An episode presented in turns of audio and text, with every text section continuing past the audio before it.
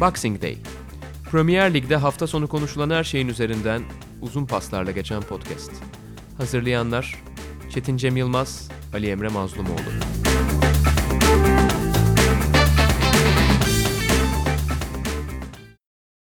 Boxing Day'e hoş geldiniz. Sokrates Podcast'in İngiltere Premier Ligi'ni konuştuğumuz programında ben Ali Emre Mazlumoğlu, Çetin Cem Yılmaz'la birlikteyiz. Hızlıca e, haftanın en flash sonucundan başlayalım. E, Manchester City kendi evinde Wolverhampton'a 2-0 kaybetti. Yalnızca kaybettiği maç olmadı, kendi oyununu da kaybettiler. E, bunu evet söyleyebiliriz galiba. Ee, bir ay önce Norwich maçında da yenilmişlerdi ama sonrasında muazzam bir reaksiyon göstermişlerdi. E, Watford'u 8-0 yenmişlerdi. Şu anda hani bu kadar kısa süre içerisinde bir tane daha puan kaybı beklenmiyordu herhalde City cephesinde. Özellikle böyle oynayarak kaybetmek de beklenmiyordu. Yani City çok fazla pozisyona işte girer, beklediğimiz oyunu oynar, kaleyi ablukaya alır falan filan ve iki kontratakla yenilebilir, olabilir bunlar ama genelde City karakterinde bu da pek olmuyordu açıkçası Guardiola City'sinde özellikle son iki sezondur. Biraz ilk sezonundan anımsatan bir performans oldu. E, fakat hem Wolves çok diriydi. Diğer taraftan sanki City'de bir e, hani o oyunlarındaki o vuruculuk, o aciliyet yoktu. Sanki hani biz nasıl olsa atarız bu golü falan filan diye oynadılar ilk yarıyı. Bir saat sonra yani iki, ikinci yarının başı geçti. Bir saat geçti. Hala o enerji yok sahada falan filan derken Sonra da kontrataklarla geldi. Sonra kırıldı. Unutmamak da gerekiyor. Maçın ilk yarısında da çok net iki pozisyonu kaçırdığını hatırlatalım yani. Wolves aslında daha erken de öne geçebilirdi. Ha o zaman belki City'nin reaksiyonu daha farklı olurdu. Belki o golleri erken yeseydi City daha ciddi bir reaksiyon verebilirdi. Şimdi çok fazla zamanları olmadı. Arka arkaya yediler. Ama e, genel anlamda işte Norwich maçında gördüğümüz Tottenham'ı da katarsak bu sene üçüncü kez puan kaybı yapmış oldu ki e, hani neredeyse bir sezonda yaptıkları puan kaybını 8 haftada yapmış oldu City. Dolayısıyla City'ye dair sezon başında acaba işte sorun yaratır mı denen her şeyin sorun yarattığını görüyoruz açıkçası. E, bir stoper konusunda bir nasıl denir? Sanki bir işi ciddiye almama vardı. Tamam Laporte'un sakatlığı beklenmiyordu ama işte Laporte sakatlandığı anda bir anda e, rotasyonda Stones Otamendi'ye düşüyorsunuz. Stones Otamendi ne, ne kadar City gibi dünyanın en iyi takımı olma iddiasındaki bir takımın stoperi, tar, stoper ikilisi tartışılır. Abi mesela şöyle bir soru gelmiyor mu akla? Fernandinho Otamendi. Top 6'i düşündüğünde hangi takımda 11'e girer ya bu oyuncu? O mevkide. O mevki için değil Hı-hı. mi?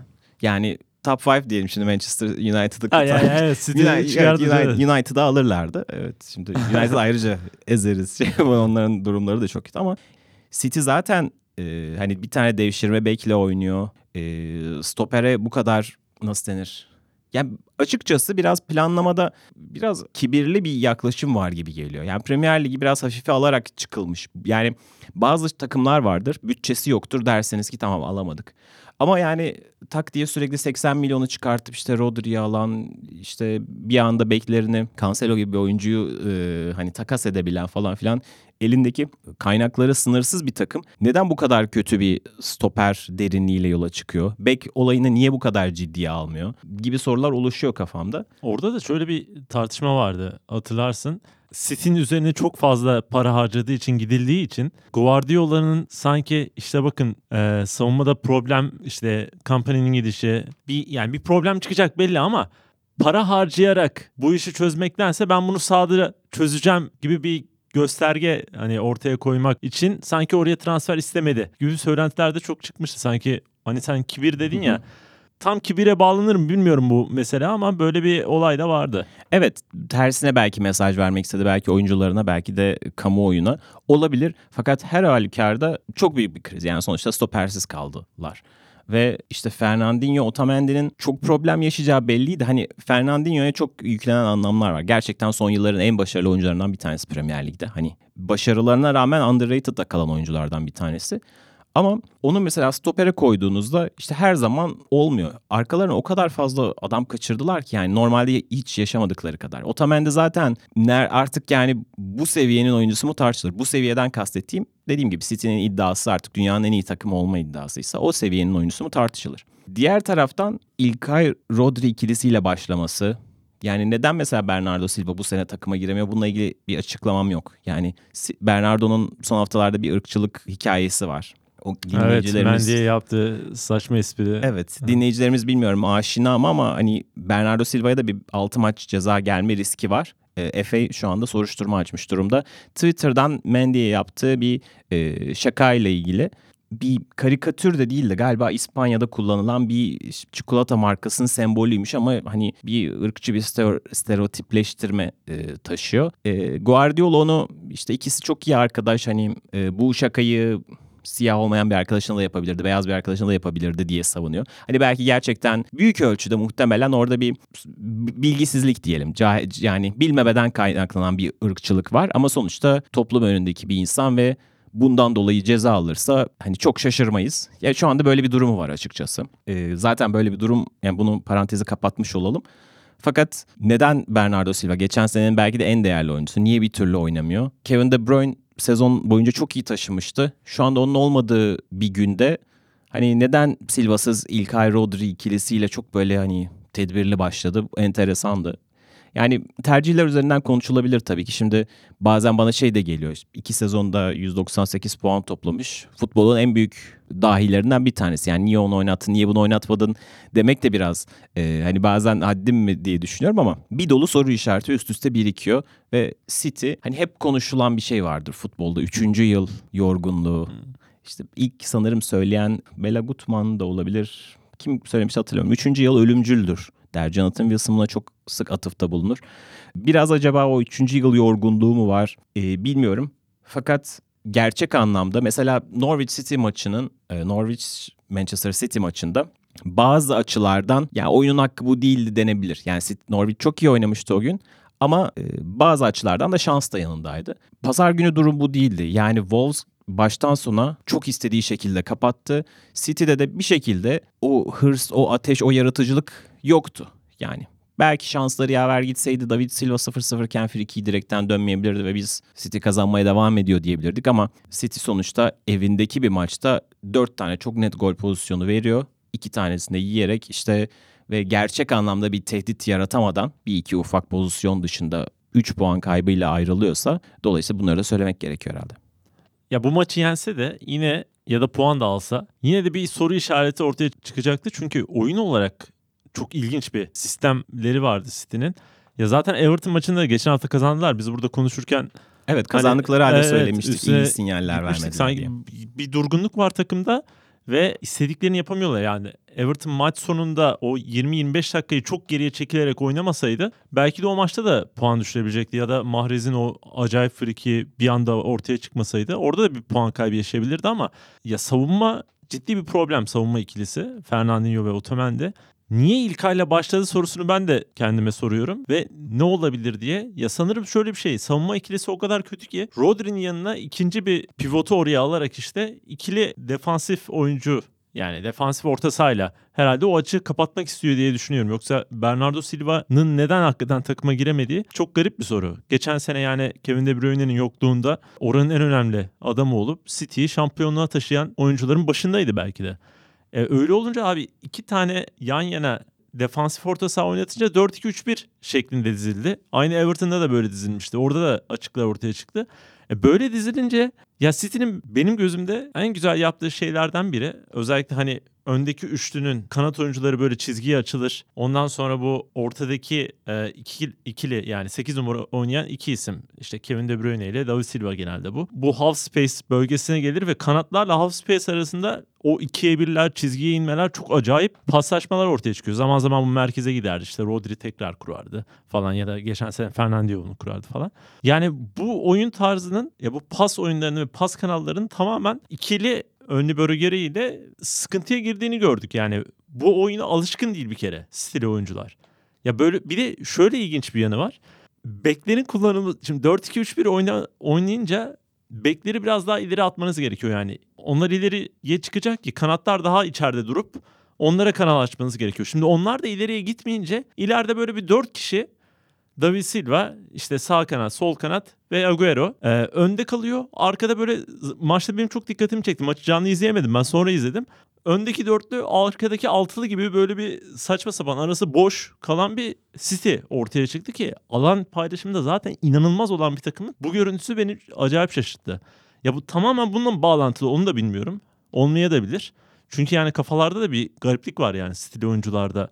Değişik şeyler var yani mesela sol kanat da hiçbir şey işlemedi o Cancelo. O bence iyi niyetle iyi şeyler yaptı ama herhalde oyun kurgusu gereğiyle o da bir katkı yapamadı pek fazla. Zaten Kyle Walker çok derinde bekliyor, içeride merkezde duruyor. Yani çok ilginç bir de son olarak şunu ekleyebilirim. Yani mesela City deyince abi topa bu kadar sahip olmasının en önemli ayaklarından biri çok iyi pres yapıyor olması. Topu hemen tak diye alabiliyor rakibinden. E 4-2-3-1 olunca abi o preste de sıkıntı ortaya çıkıyor. Yani eskiden nasıldı? Öndeki üçlü, arkada bir ikili vardı. Sonra bekler de Rodri'nin yanına yanaşıyordu. Böyle 2-3-2-3 gibi karşılayıp bir anda stoperleri saymıyorum. Bir anda abi zebellak gibi çöküp topu alabiliyorlardı ama bu oyun sistemiyle sanki o da olmuyor gibi. Evet çoğu Doğru. zaman zaten o o iki sezonun kilit oyuncularından bir tanesi işte Fernandinho oradaki çapaydı. Yanındaki diğer iki oyuncunun da biraz daha yaratıcı olmasına fırsat veriyordu. Yani bazen şey bir dolu maç vardır. Fernandinho tek başına savunmanın önünde gibi. Ee, hani o 4-3-3'ün yanındaki ortadaki üçlünün diğer iki tarafında bir Bernardo e, David Silva bir tarafında Kevin De Bruyne oynadığı zamanlar vardı. Hı hı. Normalde kağıt üstüne baksanız böyle hani zayıf orta saha dersiniz ama hem topu çok hızlı geri kazanıyorlar. Fernandinho'nun da çok üst düzey oyunu sayesinde. Hem de çok büyük ölçüde zaten topu vermeyen bir takım oluyordu. Şimdi evet e, hem bahsettiğim gibi belki savunma e, ya güvenmediği için olabilir. Fakat hücum tarafından büyük ölçüde e, feragat etmiş oldu açıkçası City. Ve hani milli araya giriliyor falan ama pek de iyi de bir sinyal de vermemiş oldu. Hı hı. Hani 8 haftada 3 kez puan kaybetti yani şu anda City. Evet ama yani City hani olunca bu tür mağlubiyetlerden de bir anda çıkmayı beceren son, iyi bir irade koyan bir takım aklı geliyor. Yani e, hemen bu iş bitti gibi bir algı oluşmaması gerekiyor Liverpool adına özellikle. Çünkü 8 puan ilk 8 hafta sonrasında belki de hiçbir şey ifade etmeyebilir. Eğer Manchester City ile kapışıyorsanız. Oradan Liverpool'a bağlayalım istersen. Onlar da çok acayip bir maç oynadılar. Aslında çok keyifli bir maçtı bence. Ben izlemekten bayağı zevk aldım ama 80. dakikada Madison golü atınca Liverpool'da bir ah işte seri kırılacak herhalde gibi bir düşünce varken Mane acayip bir penaltı aldı diyeyim Hı hı. ve yine 3 puanla kapattılar haftayı. Evet gerçekten yani sezonun kırılma hafta sonlarından bir tanesi oldu belki. Eğer Liverpool bu sezonu şampiyon kapatırsa en kritik dönemeçlerden bir tanesi bu olacak belki. Çünkü Leicester'ın puan aldığını varsayın. City puan farkını kapatabilecek durumda çıkacaktı Wolves maçına. Belki hani işin havası değişirdi. Fakat bir anlamda e, Liverpool tekrar 8 puanı çıkarttı ve başka bir kafa yapısıyla, zihin yapısıyla maça çıkmak zorunda kaldı City. Liverpool adına hani bir hafta içerisinde iki kez aslında belki Salzburg maçıyla düşünmemiz lazım. Orada da e, muazzam bir Salzburg geri dönüşü oldu. Liverpool orada da hatta senle maç sırasında mesajlaştık ya bu takım eski günlerine döndü e, yazdın çok doğru bir şekilde. Abi bir gol yiyordu bir sene önce geliyor. bir gol bir sene. 3 sene geriye döndüler yani. evet. Yani gerçekten o işte 15 dakikada 3-1'den 4-3 kaybedilen bir Bournemouth maçı vardı. Çok Hmm. 2017-18 sezonun başlarında. Onun benzeriydi. Yani neredeyse ki özellikle ikinci yarının 15 dakikasındaki Salzburg baskısı Anfield'da kolay kolay gelen bir takımın çok kolay yapmadığı bir şeydi hani orada. Ama Liverpool'un orada reaksiyonu göstermesi etkileyiciydi. Leicester maçında da benzer bir şey oldu. Liverpool'un reaksiyon vermesi için çok çok az zaman kalmıştı. Fakat o gelen baskı e, biraz ne diyelim işte penaltıyı almasının da yardımıyla Liverpool orada geri dönmeyi başardı. Penaltı pozisyonu bilmiyorum konuşmak gerekiyor mu? Hani Var mıydı Evet. penaltı? Net. ben kişisel olarak söyleyeyim ben böyle penaltıları sevmiyorum. Ama artık günümüzde de penaltıların da %70'i böyle olmaya başladı. Hani çünkü biraz VAR'ın da etkisiyle hani temas var mı? Var tamam o zaman hakem verdi oluyor. Ama ben biraz Erman Toroğlu gibi penaltı penaltı gibi olmalıcılardanım ama artık penaltı gibi penaltı da olmuyor. Çünkü kimse dan diye hani öyle ayağa kayma bitti zaten hani dokunduğunda oluyor. Orada Mane'nin işte kurnazlığı var. Albright'ın yani gereksiz bir şeyi var orada kalecisine bırakabilir aslında. Orada panik yaptığını hemen anlıyor. Gidiyor işte topu alıyor falan filan. Ve orada Albright'ın hani bir tane sakar müdahale yapacağını biliyor. Çok hafif de olsa orada bir temas var. Teması da alıyor işte kendine bırakıyor açıkçası. Daha doğrusu faulü gösteriyor diyelim ama. Evet yani böyle bir aldatma değil Evet o temas, penaltıyı alma var. teması Evet. alana kadar da ayağını uzatıyor açıkçası. Yani şimdi bir şey yapmayayım yani. Mane'nin orada ilk niyeti penaltıyı almak o çok kesin yani. Ama işte dediğim gibi genelde yorumcular da İngiltere'de şeyi derler mesela hani savunmacı açısından. Sen futbolcuya o şeyi verme. O nasıl denir o şansı verme diye. Ee, Dediğim gibi Albright'ın orada heyecanını koklayıp penaltıyı alıyor. Bir de şey tartışması vardı maçtan sonra. Liverpool şanslı mı değil mi? Çünkü hani bir değil iki oldu üç oldu falan gibi son dakikalarda gol buluyor maçı çeviriyor diye. Ya şöyle ince bir çizgi vardı. Liverpool evet son dakikada penaltı bulacak kadar şanslıydı. Ama o golü atmasaydı da puan bıraksaydı şanssız olacaktı. Yani çünkü gerçekten maçı haldır haldır giderek domine etmedi ama istediğini sahaya yansıttı. Çok akıcı bir oyun ortaya koymadı ama Leicester ligin üçüncüsü ve Liverpool'dan hadi City'yi de tabii ki bir kenara koyalım. Ondan sonraki en iyi takım. En planlı, en organize gelen, birçok hücum planı olan bir takım ve ona hiç fırsat vermediler. Yani Leicester kendi adına hiçbir şey yapamadı maçta. Evet ben evet bu maç özelinde yani şansa kesinlikle inanmıyorum. Yani şans nasıl olur? Liverpool Everton geçen seneki maçta o Pickford'un hani saçmalaması o bir şanstır. Çünkü ortada pozisyon bile yok. Ama bu burada Liverpool saldırıyor. Rakibin de hatasıyla penaltıyla golü buluyor. Ve hani maçın gelişimi de aslında 1-1'e gitmeden önce Liverpool 2'yi 3'e atabilecek durumdaydı. Tabii, evet. Firmino, Mane, Wijnaldum. Evet. Yani mes- mesela işte Sheffield maçına önceki hafta konuşmuştuk. Orada şans yardım etti Liverpool'a. Yani kaleci orada o topu elinden kaçırmayabilirdi. O maçın genel görüntüsü daha 0-0'a bağlanabilecek bir maçtı. Fakat bu maçın genel hakkı Liverpool'un aslında çok daha önce 2'yi atıp kopartması gereken bir maçtı. Ha şu açılarda Liverpool birkaç kez hani sıçrıyor denebilir. Yani birkaç kez artık tek farklı galibiyet oldu. Biraz fazla olmaya başladı. Ee, tabii bunlarda kırılmamak önemli bir mesaj. Ve geçen hafta da konuştuğumuz gibi Liverpool artık çok kritik bir dönemece giriyor şu anda. United'la oynayacak, Tottenham'la oynayacak ve sonra artık City maçı var. Arada bir Aston Villa maçı da var. Yani şimdi ligin hala çok başı ama işte 12. hafta sonunda Liverpool'un ne kadar puan farkı yapacağı çok çok önemli. Şu anda diyelim ki Liverpool bu 4 maçı da kazandı. En az 11 puan fark yapma durumu var. City'nin diğer maçları şey yapması, e, Kazanması. kazanması halinde bile. Dolayısıyla bu çok çok önemli bir kredi verdi. Burada eğer dediğim gibi hani mentalite olarak da ligin e, yarışın gidişatını çok etkileyebilecek bir hafta oldu yani bu iki maç arka arkaya gelince. Evet ben çok kısa bir parantez içinde Milner'ın ilk 11 başlamasını iyi buldum. Niye iyi buldum? Geçen hafta da biraz konuşmuştuk. Özellikle o Liverpool'un hücum anlamındaki akışkanlığında yaşadığı sıkıntıları. Yani Wijnaldum, Henderson, Fabinho üçlüsünün ya tabii ki çok iyi bir üçlü ama yani hücum anlamında o akışkanlığı katmak adına %100 bir başarı sergilediğini düşünmüyordum ben. Onu özellikle kapanan takımlara karşı ya da iyi savunma yapan takımlara karşı bu üçlü yetersiz kalıyordu bana kalırsa. Milner Henderson'ın yerine girdi. Milner'ın Henderson'dan hani amşan bir farkı yok ama pas kalitesi çok daha yüksek Henderson'a göre ki zaten ilk golde o kaliteyi de gösterdi. İki sene önce mi ne Şampiyonlar Ligi'nde asist kralı olmuştu Milner. evet.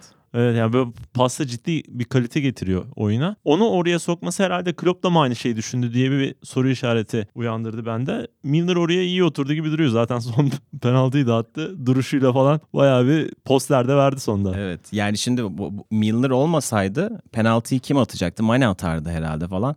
Yani çok daha sıkıntılı olabilir. Yani Mane illa kaçırır falan diye değil de bu durumlarda çok bulunmuş ve gerçekten makine gibi bir adam yani. Çünkü Salah takımın penaltıcılarından bir tanesi sakatlanıp çıkmıştı tam birkaç dakika öncesinde. Ee, dolayısıyla böyle enteresan da bir andı. Hani Milner zaten Liverpool adına son yılların en iyi hikayelerinden bir tanesi. Ee, muazzam bir profesyonel. Yani kendisini City'deyken de çok beğenirdim. City'de bir dönem bir forvet krizi olmuştu. Agüero ile Dzeko sakatlanmıştı. Striker oynamıştı yani adam birkaç hafta. Yani Liverpool'da sol bek oynadı, sağ kanat oynadı, orta sahada oynadı falan. Çok olağanüstü bir oyuncu, ya. olağanüstü bir insan yani. Yani haftanın diğer bir şokuna geçelim. Şokun kıyısından dönen Liverpool'dan. Şoku sonuna kadar, dibine kadar yaşayan Tottenham'a 3-0 mağlup oldular Brighton'a. Yani yokuş aşağı yuvarlanmaları devam ediyor. Hafta içi 7-2 kaybetmişlerdi Bayern Münih'e. Ya iki maçta 10 gol. Evet yani şimdi Tottenham adına hakikaten her hafta hani kötü gidiyor diyoruz daha kötüsü de olmaya başladı. Hani dediğin gibi yokuş aşağı artık hani tam dibe vuruş maçı diye düşünürsün. 7 bir takım evinde 7 gol yiyorsa ya ister Bayern Münih olsun ister Barcelona olsun. Ha, hangi takımdan 7 gol yerseniz bu bir dibe vuruş olur oradan yükselmeyi beklersiniz. E, fakat bunun üzerine Brighton'dan 3 gol yemek çok kötü oldu. Ve iki maça dair şöyle enteresan bir şey var. 7-2'nin yani biraz şey çok konuşuldu da 7-2 lig maçın aslında gidişatı 7-2'lik bir maç Değildi. değildi. Kesinlikle. Yani hem işte Bayern Münih'in çok iyi fırsatları değerlendirmesi var. Bir de çok bilmiyorum çoğu insan muhtemelen tamamını izlemedi o maçın da. Ben merak ettiğim için oturdum baştan sona izledim çünkü. Neler oldu bu maçta diye. O maç 80. dakikaya kadar aslında hani bir yerde 4-2'ye bağlandı tamam. 4-1 iken daha doğrusu şey pardon Harry Kane'in golüyle 4-2 oluyor o maç. Daha sonra o dakikada oyuncu değişikliği yapıyor. Endombele'yi çıkartıp Eriksen'i alıyor. Maçı kazanmaya yönelik bir hamle ama orada orta sahayı tamamen veriyor. Ve hani hamle ters tepiyor. Neyse sonunda pardon 3-2 sonra 4-2 oluyor galiba ama çok önemli değil. Dediğim gibi 64'ten sonra birazcık ışıkta varken o gidiyor. Tottenham adına kötü giden şey 80. dakikada Tottenham oyunu bırak bırakıyor. Gerçekten bırakıyor yani.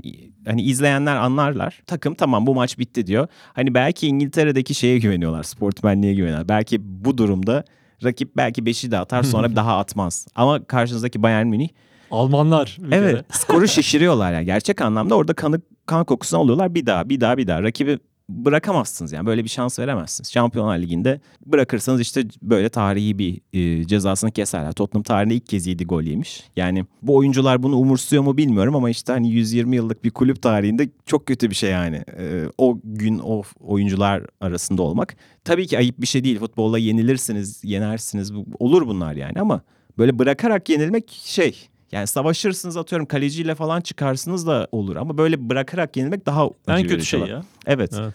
Ve zaten işte bu e, şeyde mindsette kendini belli ediyor. Bu zihniyet belli ki zaten Tottenham'da bazı şeylerin hani koptuğunu gösteriyor. Buradan şuraya bağlayacağım. E, maçtan önce Mike Owen yorum yapıyordu.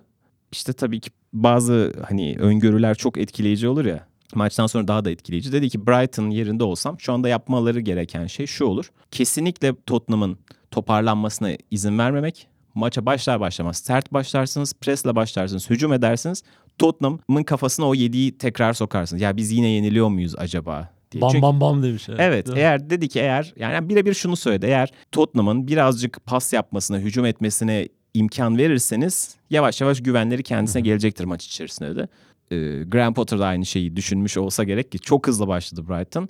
Biraz Lloris'in hatasıyla ve şanssızlığıyla sonra da sakatlandı aynı pozisyon içerisinde ama 3. dakikada golü attılar. O dakikadan sonra Tottenham'ın hiç maça dönme şansı kalmadı ve tamamen çöktü yani ve bu maç da 3-0 bitti. Bu maç da 4-5'te olabilirdi. Yani Olabilir. Tottenham hiçbir şey koyamadı sahaya. Ya mesela sen dedin ya o son 80. dakikadan sonra oyunu bırakmaları. Ya bu maçta da ya Loris sakatlanıyor. Loris gibi bir adam. Ya hiç mi böyle bir telaş, böyle bir yanına gitme ne oldu falan. Böyle bırakmışlar. Evet. Bir reaksiyon yok. İlginç. Yani gerçekten oyuncularda yani bu problem şunu geçti artık. İşte Pochettino 4-4-2'de ısrar ediyor. İşte kanatlarda çok zayıflar. Sistem şöyle oyuncu tercihi böyle falan. Ya bunun çok daha dışına çıktı gibi bir durum var artık ortada. Yani bir şey miadını doldurmuş. Ya aslında Tottenham şöyle bir takımdı ya. Pochettino geldikten sonra 2014 müydü? 15. on- 14 herhalde. 6. senesi bu Hı. sene. Pochettino takımı yeniledi. Yani yeni oyuncu inanılmaz oyuncular kazandırdı. Yani kısıtlı bütçelerle çok acayip işler yaptı. Ama o yeni yeni bir yeniye dönüşemedi ve yeni eskimeye başladı. Yani burada kulübün de tabii ki sorumluluğu var. Hani bu transfer politikasının bu şekilde ilerlemesi, gitmek isteyen oyuncuların gönderilmemesi, niye bu kadar ısrar edildi falan üzerinde. Ben bir de bir iki makalede okudum. Yani ücretlerde de bayağı bir sıkıntı varmış. Yani kulübün ücret politikası kazandığı paraya doğrulu orantılı büyümek yerine olabildiği kadar ücretleri alt seviyede tutmak. Tabii şimdi Kane'le falan yenilediler. Çok acayip paralar kazanıyor Kane ama yani genele baktığımızda o paraya yani bölüştürmüyor. Gelir dağılımında bir adalet yok. e, bu da doğrudan oyuncuları etkiliyor. Bir de Kyle Walker'ın herhalde Manchester City'ye gidip orada şampiyonluk kazanması, kupalar kazanması oyuncularda. Çünkü bunlar hep birlikte oynayan oyunculardan bahsediyoruz. Yani 5 yıldır kanka gibiler yani sürekli aynı maça çıkıyorlar, aynı şeyi yaşıyorlar, heyecanları yaşıyorlar, duyguları. Kyle Walker'ın gidip orada şampiyonluklar kazanması takımda şu iştahı da doğurdu. Ya biz Tottenham'da oynuyoruz, kupa kazanamıyoruz. Giden oyuncular kupa kazanabiliyor. Bizimle gitmemiz lazım durumu var. Yani mental olarak bir takım bu aşamaya geldikten sonra işte başka şeyleri konuşmanın çok bir hani mantığı kalmıyor. Yani bu aşamadan nasıl çıkar benim hiçbir fikrim yok. Sen mesela öngörebiliyor musun bir şeyler? Ne yapması gerektiğine dair bundan sonra? Yani şu anda Pochettino tartışılmaya başlandı. Bu çok üzücü bir durum bence. Çünkü adam hani takımı nereden alıp nereye getirdi ve bir yandan ben hani kesinlikle süre tanınması gerektiğini düşünüyorum. Çünkü toparlayacak adam o. Eğer tabii ki kalmaya niyetliyse. Çünkü şöyle bir şey olabilir. Diyelim ki Pochettino'ya güvenip bundan sonra hani o bazı oyuncuları satarlar falan filan. Sonra da Pochettino yaz gelince hadi ben Real Madrid'e gidiyorum arkadaşlar ya da ben Manchester United'a gidiyorum arkadaşlar deyip de gidebilir. Şu an öyle bir durum da var. Ama eğer Pochettino kalmaya niyetliyse kadroda biraz toparlama yapı- yapılması lazım. Ki yap keşke yapsalardı çünkü şu anda oyuncuların değerleri çok azaldı. Evet. Yani Eriksen belli ki kopmuş yani. Hiç hiç yok. Yani Premier Lig'in en iyi orta saha oyuncularından bir tanesi ama hiç olayla alakası yok ve niye olduğu da belli değil. İşte Son'la Kane kendi çapında belli ki hala bu projeye inanmış ve takım için, forma için ve ho ya da hoca için oynayan oyuncular ama ben çoğu oyuncuda böyle bir istek, bir hırs hoca için oynama şeyini görmüyorum. Hocanın projesini artık kabullenmiyorlar gibi. Ya mesela Pochettino şey demiyordur herhalde. Tottenham'ı var eden o presi artık pres yapmıyoruz arkadaşlar demiyordur. Kadrodan o reaksiyonu o, o bildiğim zaman Tottenham presi var ya böyle rakibi formasını böyle yırtan paramparça eden o pres hiç yok. Evet. Ben şunu da yadırgadım. Şimdi 7 gol yiyen bir takım. Yani neredeyse aynı 11'i sürdü. Yani bu şu mesajdır. Yani siz tamam bir talihsizlik yaşadınız ama artık çıkın. Hani şunu yapsaydı kimse şaşırmazdı. 5 oyuncuyu 6 oyuncuyu kızar çeker. Atıyorum kaleciyi de Gazaniga ile de başlasaydı hakkı çünkü Loris çok formsuz. Her hafta bir tane saçma sapan gol Evet. yiyor. Geçmiş olsun şimdi bir arkasından konuşmuş gibi olduk ama geçen hafta da yani Southampton maçındaki yediği golde hediye ettiği bir goldü. 2020'ye kadar da yokmuş bu arada. O da Ha, başka evet, bir kriz. Şeyi Hı. kapatmış. Evet şu an yedek kaleci de problem olacak. Hani nihayet işte o hadi Oriye, Wings falan biraz en azından bazı budamalar oldu ama dediğim gibi 7 oyuncuyu 8 oyuncuyu oynatmayıp e, başka bir 11 ile çıksaydı bu şey o demek olacaktı. Bu oyuncuların suçuydu. Hı hı. Şimdi bakın ben bu işe el atıyorum diye. Ama oyuncularını da yedirmedi. Bence bu güzel bir mesaj. Ama oyuncuları da açıkçası hocayı da Tottenham'ı da yani camiayı da formayı da biraz yüzüstü bırakmış oldu. Çünkü Brighton maçında hani 3. dakikada pes edilir mi ya yani? Tamam Brighton çok iyi oynuyor haklarını verelim gerçekten. Bu sene bildiğimiz Brighton daha böyle hani tadı tuzu olan güzel bir pas oyunu da oynuyorlar falan ama Kesinlikle. Pochettino yine oyuncularını şey diye savundu. İşte sakatlık ve erken gol hani herkesin moralini bozdu. Ya tamam da yani 3. dakika ya o kadar da değil. Yani. Kaleci de tamam sakatlandı da hani Allah korusun ölmedi yani o kadar yani olur yani futbolda sakatlık. Yani evet Tottenham'da şu anda büyük ölçüde ben oyunculara yazıyorum bu durumu. Fakat işte milli aradan sonra hala aynı oyuncu grubuyla yani tabii ki aynı grupla olacak ama hiçbir dokunuş yapmadan hala aynı 11'i koyup amiyane tabirle hiç kelle almazsa, hiç kimseyi e, değişiklik yapmazsa ve yine aynı sonuçları beklemeye devam ederse bu sefer Pochettino'ya yazmaya başlar açıkçası bu durum. Buradan milli arada sakatlıkların dönmesini bekleyerek farklı bir şeyler yapmayı hedefleyen Manchester United'a geçelim. Onlar da Tottenham'a benzer bir şekilde yokuş aşağı gidiyorlar. Çok kötü başladılar lige ve bu haftada Newcastle deplasmanından puansız döndüler. Evet Mart ayından beri deplasman galibiyeti alamıyor United ve e, yine hafta içerisinde de mesela AZ Alkmaar maçını yine çok az kişi izlemiştir. İki tane Türk takımının o sırada maçı vardı ve gecenin en parlak maçlarından bir tanesi değildi. Ben nedense o maça takıldım. Açıkçası AZ Alkmaar da galibiyetin kıyısından döndü ve hani domine ederek yani böyle bir iki gol kaçırmadılar. İşte 10 tane korner kullandılar böyle şutta ezdiler falan filan bayağı dağıttılar ve United yine hiçbir varlık gösteremedi açıkçası. Hani o gün puanla dönmüş olmaları başarı idi. Benzer şekilde Newcastle maçında da yani şimdi şey olmasın yalan olmasın maçın tamamını izleyemedim. Özetini izledim. Fakat orada da hani maçın öne çıkan tüm pozisyonları Newcastle'dan herhalde bir tane Maguire'ın bir kafası var. Onun dışında gole yaklaşılan bir an yok. Çok büyük problemler var ama aynen dediğin gibi sakatlık. Şimdi şu konuşulacak yani konuşuluyor zaten. Ole out, ole in falan şeyleri kampları başladı. İşte Mourinho'ya haksızlık etmişiz falan filan. şu anda ben hani Solskjaer'in şu anda gitmesinin bir şeyini göremiyorum, katkısını göremiyorum. Gitse ne olacak? Kim gelse toparlayacak? Aynen. Şu maçta çıkan 11'i sayıyorum. David De Gea, savunma Dalot, Tuanzebe, Maguire, Young. Önlerinde Fred ile McTominay. Önlerinde Andreas Mata, James Rashford. Yani çok iddialı olacak. Biraz da belki hani Manchester United taraftarları kızmasın ama bu 11'i al. Championship'e koy çıkamaz yani bu 11. Oo çok iddialı oldu. Evet. Yani bizim mesela ligin en zayıf kadrolarından bir tanesi Newcastle. Newcastle'a baktığında işte Joelinton var. Martinez var. Ne, Almiron var pardon Martinez değil. Atlanta'dan takım arkadaşı.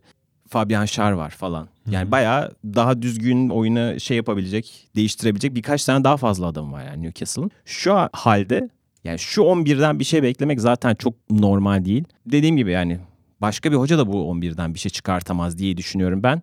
Sakatlıklar döndüğünde başka bir şeyler konuşmaya başlayabiliriz. Eğer hala bu işi toparlayamamış olursa tabii ki çıkış yolu kalmayacak ama en azından bir tane daha transfer dönemi geçmeli diye düşünüyorum. Çünkü yani işte Martial'le stoperler ve aynı zamanda Pogba döndüğünde birazcık daha eli yüz düzgün bir takım olacaktır yani Manchester United. Olmak zorunda. He ama şöyle bir risk var artık önlerinde. Ocak ayında panik transferi yapacaklar ve yani %70 ihtimalle onlar da çok overpaid adamlar olacak. Çünkü Hı. şu anda herkes Yani farkında. Ocak transferleri genelde böyle oluyor zaten. Evet yani Crystal Palace'tan sağ beki 50 milyona, Leicester'dan stoperi 80 milyona alıyorsan hadi diyelim ki biz Madison'ın ya da Zaha'nın için bu sefer yine aynı kulüplerin kapısını çalsa Leicester'ın ve Crystal Palace'ın diyecekler ki o zaman tam 100 milyon verin. Yani Evet. şimdi böyle çıkışsız bir duruma girdiler. Çok fazla para harcadıkları için. Yani böyle sıkıntılı bir durum var açıkçası. Yani bu milli aradan sonra takıma Martial katılıyor, Pogba katılıyor, Luke Shaw katılacak. O da kısa sürede hemen sakatlanır muhtemelen ama. Yani yine Van Bissaka falan dönüyor. Yine yani en azından Premier Lig'de oynamayı hak eden oyuncuların olduğu bir 11'i belki sahaya çıkartmayı başaracak ki orada yani yapması gereken de muhtemelen şu olacak. Martial 9 numarada Pogba işte Martial Pogba temelli bir oyun çıkarıp yani alabildiği ne kadar puan alabiliyorsa almaya çalışıp devre arası transferlerine bakmak olacak. Yani ben de kesinlikle katılıyorum yani. Ole gittikten sonra ne olacak ki yani bir çözüm mü var ortada? Yok. Ancak işte sakatlıklar döndükten sonra iyi bir en azından oyun ortaya koymaya çalışıp puan almak. Bu yapması gereken United'ın. O açıdan bakıldığında Tottenham'a çok benzemiyor aslında durumu. Yani Evet. biraz daha toparlanabilir gibi duruyor. Ee, Arsenal'ı çok kısa değerlendirebiliriz. 1-0 kazandı. Yani çok konuşulacak bir şey yok. Çok da bir gelişme yok. Tek gelişme belki de gol yemeden Evet.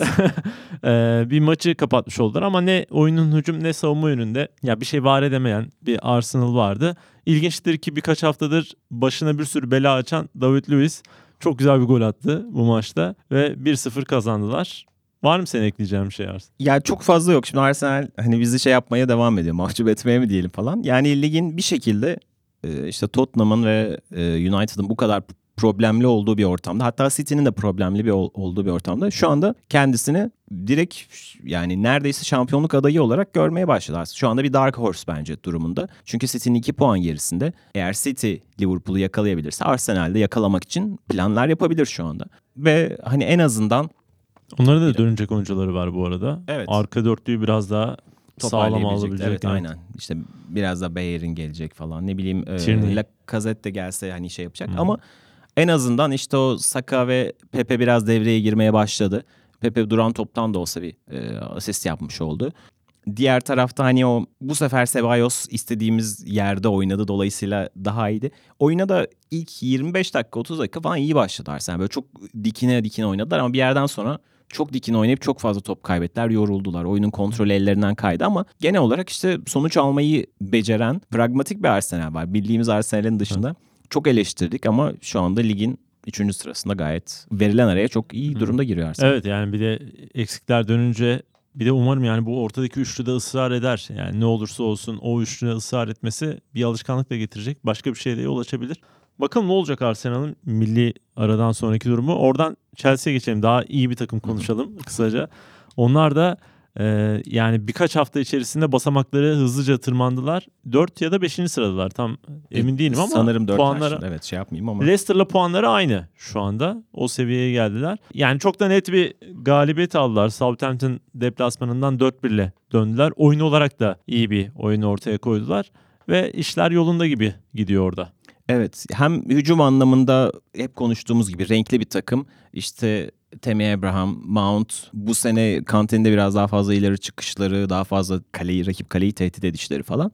Şu anda işler tıkırında görünüyor. Chelsea birkaç haftadır aslında belki de üçüncü haftadan beri neredeyse o Sheffield United maçından beri sürekli böyle bir maçın sinyalini veriyordu. Yani bir gün bir 3-4 gol atacaklar böyle bir patlayacaklar falan diye. Brighton maçında da 2-0 bitti ama o maçta 3'e 4'e koşabilecek bir maçtı. Olmamıştı. Bu sonunda beklenen oldu açıkçası. Birkaç maçtır böyle Bir 5-2'lik maçları da vardı deplasmanda. Aa evet Kimi- Wolves Ha, maçı doğru aynen. haklısın. Ee, dolayısıyla şey hücum gücü yüksek ve iştahlı bir takım. İlk golü de attıktan sonra zaten o ka- ayaklar kaleye daha da hızlı Ha. gidiyor falan. Chelsea, e, Manchester United'ın Solskjaer'le yapmayı hayal ettiği şeyi şu anda Lampard Chelsea'de yapıyor. Evet. Yani hem gençleri kazanıyor hem takıma o e, o yıllarca süren o hani durgunluğun üzerine bir heyecan katmış durumda. İşte taraftarların şu an aidiyet hissedebileceği bir takım var. E, ilk dönemlerde bunu biraz yapıyordu işte Solskjaer. O yüzden dolayısıyla o o hayali iyi sattı ve dolayısıyla sözleşmeyi de kaptı. Yani kendisinin suçu olarak söylemiyorum yani. Onun vaat ettiği hayal öyle bir hayal. İşte 1999 United romantizmi falan. E, şu anda Chelsea onu yaşıyor. Dolayısıyla her şey yolunda orada. Ya ben şeyi çok sevdim ya. Jorginho, Kante, Mason Mount üçgenini böyle tam birbirlerini çok iyi tamamlayan orta saha düzeninde iş paylaşımları belli olan güzel bir üçlü oldu. Ön tarafta Hudson Odoi ilk kez 11 çıktı. Çok hani hazır değil belli. Onun yerine Pulisic oyuna girdi. O da inanılmaz bir pas attı. Harika bir pastı bence. O da Başuay'e golü attırmış oldu falan. Yani baktığında her böyle oyuna giren iyi oynuyor, verim alıyor. Zaten ilk 11'deki oyuncularda artık bir olgunluk oluştu. Bir olgun bir oyun var ortada. Bayağı Chelsea'de işleri iyi gidiyor. Bir de Chelsea'de şu da var. Şimdi Chelsea'nin hedefi yok ya. Yani şöyle bir hedef koy- koymadılar doğal olarak ya ilk üçe gireceğiz. Ya tabii ki Chelsea söz konusu olunca Şampiyonlar Ligi'ne gitme mücadelesi tabii ki verecek ama böyle net bir hedef olmadığı için tek amaç iyi oyun oynamak. E bu oyuncular da zevk alıyor. Lampard gibi bir adam olduktan sonra başlarında. Bundan da zevk almaya başlıyorlar. O yüzden orada işler iyi gi- gidiyor gibi. Bir önemli maç daha vardı bu hafta. Özellikle ilk 6'ya girmek isteyen iki takımın mücadelesi. West Ham United'la e, Crystal Palace karşı karşıya geldi. Londra derbisinde kazanan Crystal Palace oldu. Evet haftanın ilginç maçlarından bir tanesiydi. West Ham özellikle kazansa hani üçüncülükte olacaktı. İlk golü de attılar. Ee, Geçen hafta hani oldukça övgüyle bahsetmiştim West Ham'dan. Hala açıkçası e, şöyle övebilirim kendilerini. İlk attıkları golü bilmiyorum izlemedilerse izlesinler dinleyicilerimiz.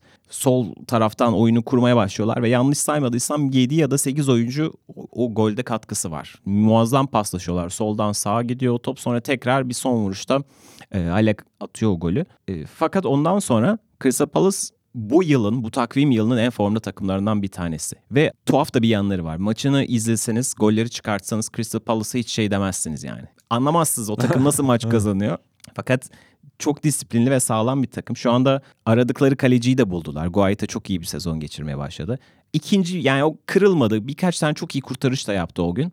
Zaha gibi çok önemli bir kontra fırsat oyuncusunu henüz tam anlamıyla skor katkısı alamasalar da bir şekilde golleri buluyorlar ve e, hani çok ekonomik bir takım. Ligin en az gol atan takımlarından bir tanesi. 8 gol atıp bu kadar puan toplamış durumdalar. Bu şeye oturmuyor ya. Yani dünyada bir futbol sistemleri arasında nerede falan diye Crystal Palace düşündüğünde yok işte bu Roy Hudson'ın özel tarifi yani resmen. Evet yani çok e, disiplini sağlam duran bir takım ve gerçekten doğru düzgün bir golcüsü yok. Benteke'den dediğim gibi hala yıllardır gol katkısı alamıyorlar. Ama bir şekilde o golü buluyorlar.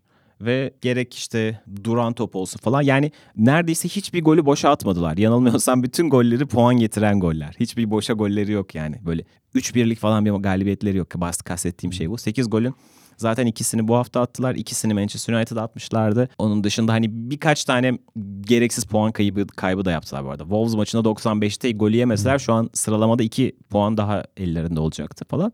Dolayısıyla e, bu sezonun enteresan hikayelerinden bir tanesi oluyor Crystal Palace. Dediğim gibi Wilfred Zaha gibi hala en büyük yıldızlarından daha e, istikrarlı bir katkı alamadıkları halde skor anlamında.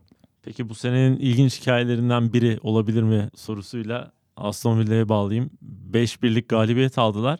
Ya bir yandan da Norveç 9 oyuncusu yok falan yani. Bu inanılmaz yedek bir kadro. Zaten kadro kalitesi çok iyi olmayan bir takım için 9 oyuncunun olmaması felaket demek. Ama yine de Aston Villa böyle gayet iyi bir oyunla 5 birlik gibi sansasyonel bir skorla galibiyeti aldı. Evet. Ne yani- diyorsun sen geleceğini nasıl görüyorsun daha doğrusu Aston Villa'nın? Ya Aston Villa şöyle geçen hafta çok kısaca konuşmuştuk. Çok hücum etmeyi çok seven bir takım ve Premier Lig'deki hani o ikinci yarı takımlarına bakarsak hani genelde hedefi ligde kalmak falan olan takımlar arasında aslında en renkli hücum güçlerinden bir tanesine sahipler. Savunmaları çok kötü. Daha geçen hafta yine söylemiştim. İki hafta üst üste hem Burnley hem Arsenal maçlarında iki kez öne geçip toplamda dört kez öne geçip bir puanda kalmışlardı. Bu sefer yakalanmadılar. Şansları e, Norwich. Norwich biraz hem sakatlıklardan dolayı hem de City maçından sonra dükkanı kapattı. İşte 3 haftadır. 3 haftada 10 gol yemiş oldular galiba Hmm. böylece. Ya 9 ya 10 pardon onu tam şey yapmadım. Neyse işte takıma böyle bir moral veren bir galibiyet almaları gerekiyordu. John McKean benim bu ligdeki favori oyuncularımdan bir tanesi. İşte Jack Grealish var. El Gazi ve Trezeguet istikrarsız da olsa ya da Hota. Yani bir dolu e, hızlı ve adam eksiltebilen oyuncuları var. Ligde çok fazla takımda bundan bahsedemiyoruz açıkçası. Dolayısıyla böyle bu renkli bir hücum güçleri var ve bunu da yansıtıyorlar. Yani zaten çok kolay gol buluyorlardı. Çok kolay da gol yiyorlardı. Bu hafta sonunda en azından kalelerini hani bir, gol yediler de hani maçın önemli kısımlarında zaten kırılana kadar gol yemediler. Zaten maç kopmuştu yani orada. Dolayısıyla bu önemli bir galibiyetti. Geçen hafta da söylemiştim. Villa'yı zaten beğeniyorum ve bu galibiyete ihtiyaçları vardı yani. Peki maçları bitirdik. Henüz e, 8. haftayı geride bıraktık ama milli araya da giriyoruz. Buradan da söyleyelim haftaya maçlar olmadığı için Boxing Day'i de yapmayacağız. Ama küçük bir sürprizle bitirelim. Çetin Cem Yılmaz bize ilk 8 haftanın en iyi 11'ini çıkardı. Kaleden başlayalım istersen. E, kale için çok düşündüm. Ligin e, en iyi kalecisi diyebileceğimiz Alisson tabii ki ilk maçta sakatlandı ve yok. Yani her şeye rağmen Ederson diyorum. Şu anda City zor bir dönemden de geçse şu anda ligin en iyi kalecisi ve hala bazı maçlarda da City'nin kırılmasını da engelleyen birinci faktör olduğunu düşünüyorum. E, Ederson'u koydum ama Leno iki tane isme de böyle parantez açayım. Leno bence iyi bir sezon geçiriyor. Her Evet. yaptığı hataya karşılık 2-3 kere iyi kurtarış yapıp kendini affettiriyor. Ee, geçenlerde sanırım şöyle bir istatistik var. Ligin geçen sezon başından bu yana en fazla gole neden olan hata yapan kalecisi. Ama bu sene her hatasını mutlaka maç içerisinde affettirdi diye düşünüyorum. O dolayısıyla parantez açmak gerekiyor bence Leno'ya. Bir de Crystal Palace kalecisi Guaita. O da iyi bir dönemden geçiyor. Onun da adını anmış olalım. Savunma dörtlüsü bilmiyorum çok sürpriz olacak mı ama sağdan sola Trent Alexander-Arnold, Çağlar Soyuncu, Van Dijk ve Andrew Robertson olarak dizdim. Şimdi burada Çağlar'a belki torpil geçtiğimi falan düşünenler olabilir ama ligin en az gol yiyen iki takımından bir tanesinden bahsediyoruz. Ve o takımda da en az böyle bir 3-4 maç maçın oyuncusu Evet. gibi oynayan bir adam. Evet kesinlikle hak ederek yani Çağlar şu anda yani ligin istikrarlı olarak en iyi ikinci savunma hattı Leicester City ve oranın şu an e, temel direği ve işte Maguire 80 milyona kaybettiler falan ne olacak denirken o parladı. Sezonun güzel hikayelerinden bir tanesi açıkçası. Yani bunu e, bu hafta Guardian'da da üzerine bir makale de çıktı. Okuyanlar olmuştur mutlaka. Yani sadece hani biz böyle Türk olduğu için gururla izliyoruz değil yani. Bu sezonun parlak hikayelerinden Evet. bir tanesi. Diğer üç oyuncu için bilmiyorum çok fazla anlatmaya gerek yok herhalde. Sağ bek ve sol bekte Trent Alexander-Arnold ve Robertson zaten Liverpool'un hani iki lokomotifi. Yani iki lokomotif olmaz normal. Neyse iki motoru diyelim. Van Dijk zaten pozisyonda herhalde dünyanın en iyisi. Ee, orta saha için ya bu arada tabii çok hani realist değil de 4-3-3 dizdim. Hani böyle sahada böyle mi olur falan bilmiyorum da. Kevin De Bruyne, Guendouzi ve Mason Mount'u koydum. Mason Mount zaten çok keyif veren bir oyuncu. İlk haftadan beri hep konuşuyoruz.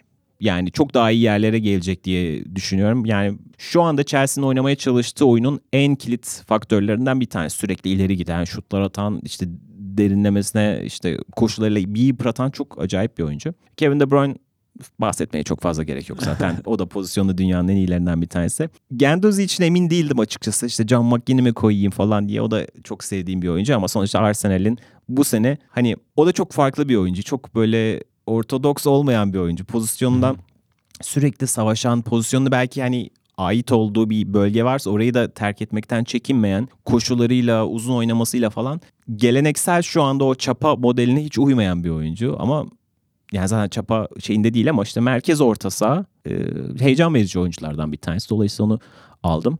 Ya her maç böyle bir, bir değişik bir şey sunuyor. Aa bu adamın koleksiyonunda bu da varmış falan Evet. dedirten bir şeyler sunuyor. Bir de o dağınık Arsenal'da bir anda böyle bir toparlayıcı daha yaşın kaç başın kaç ama bayağı bir toparlayıcı görevi de gördü uzun süre ve Evet. gayet başarılı gidiyor. hakikaten. Evet Arsenal taraftarları arasında şimdi o hani kaptan olmalı falan muhabbet var. Çünkü Çaka kaptan olduğu için şu anda reaksiyon da söz konusu.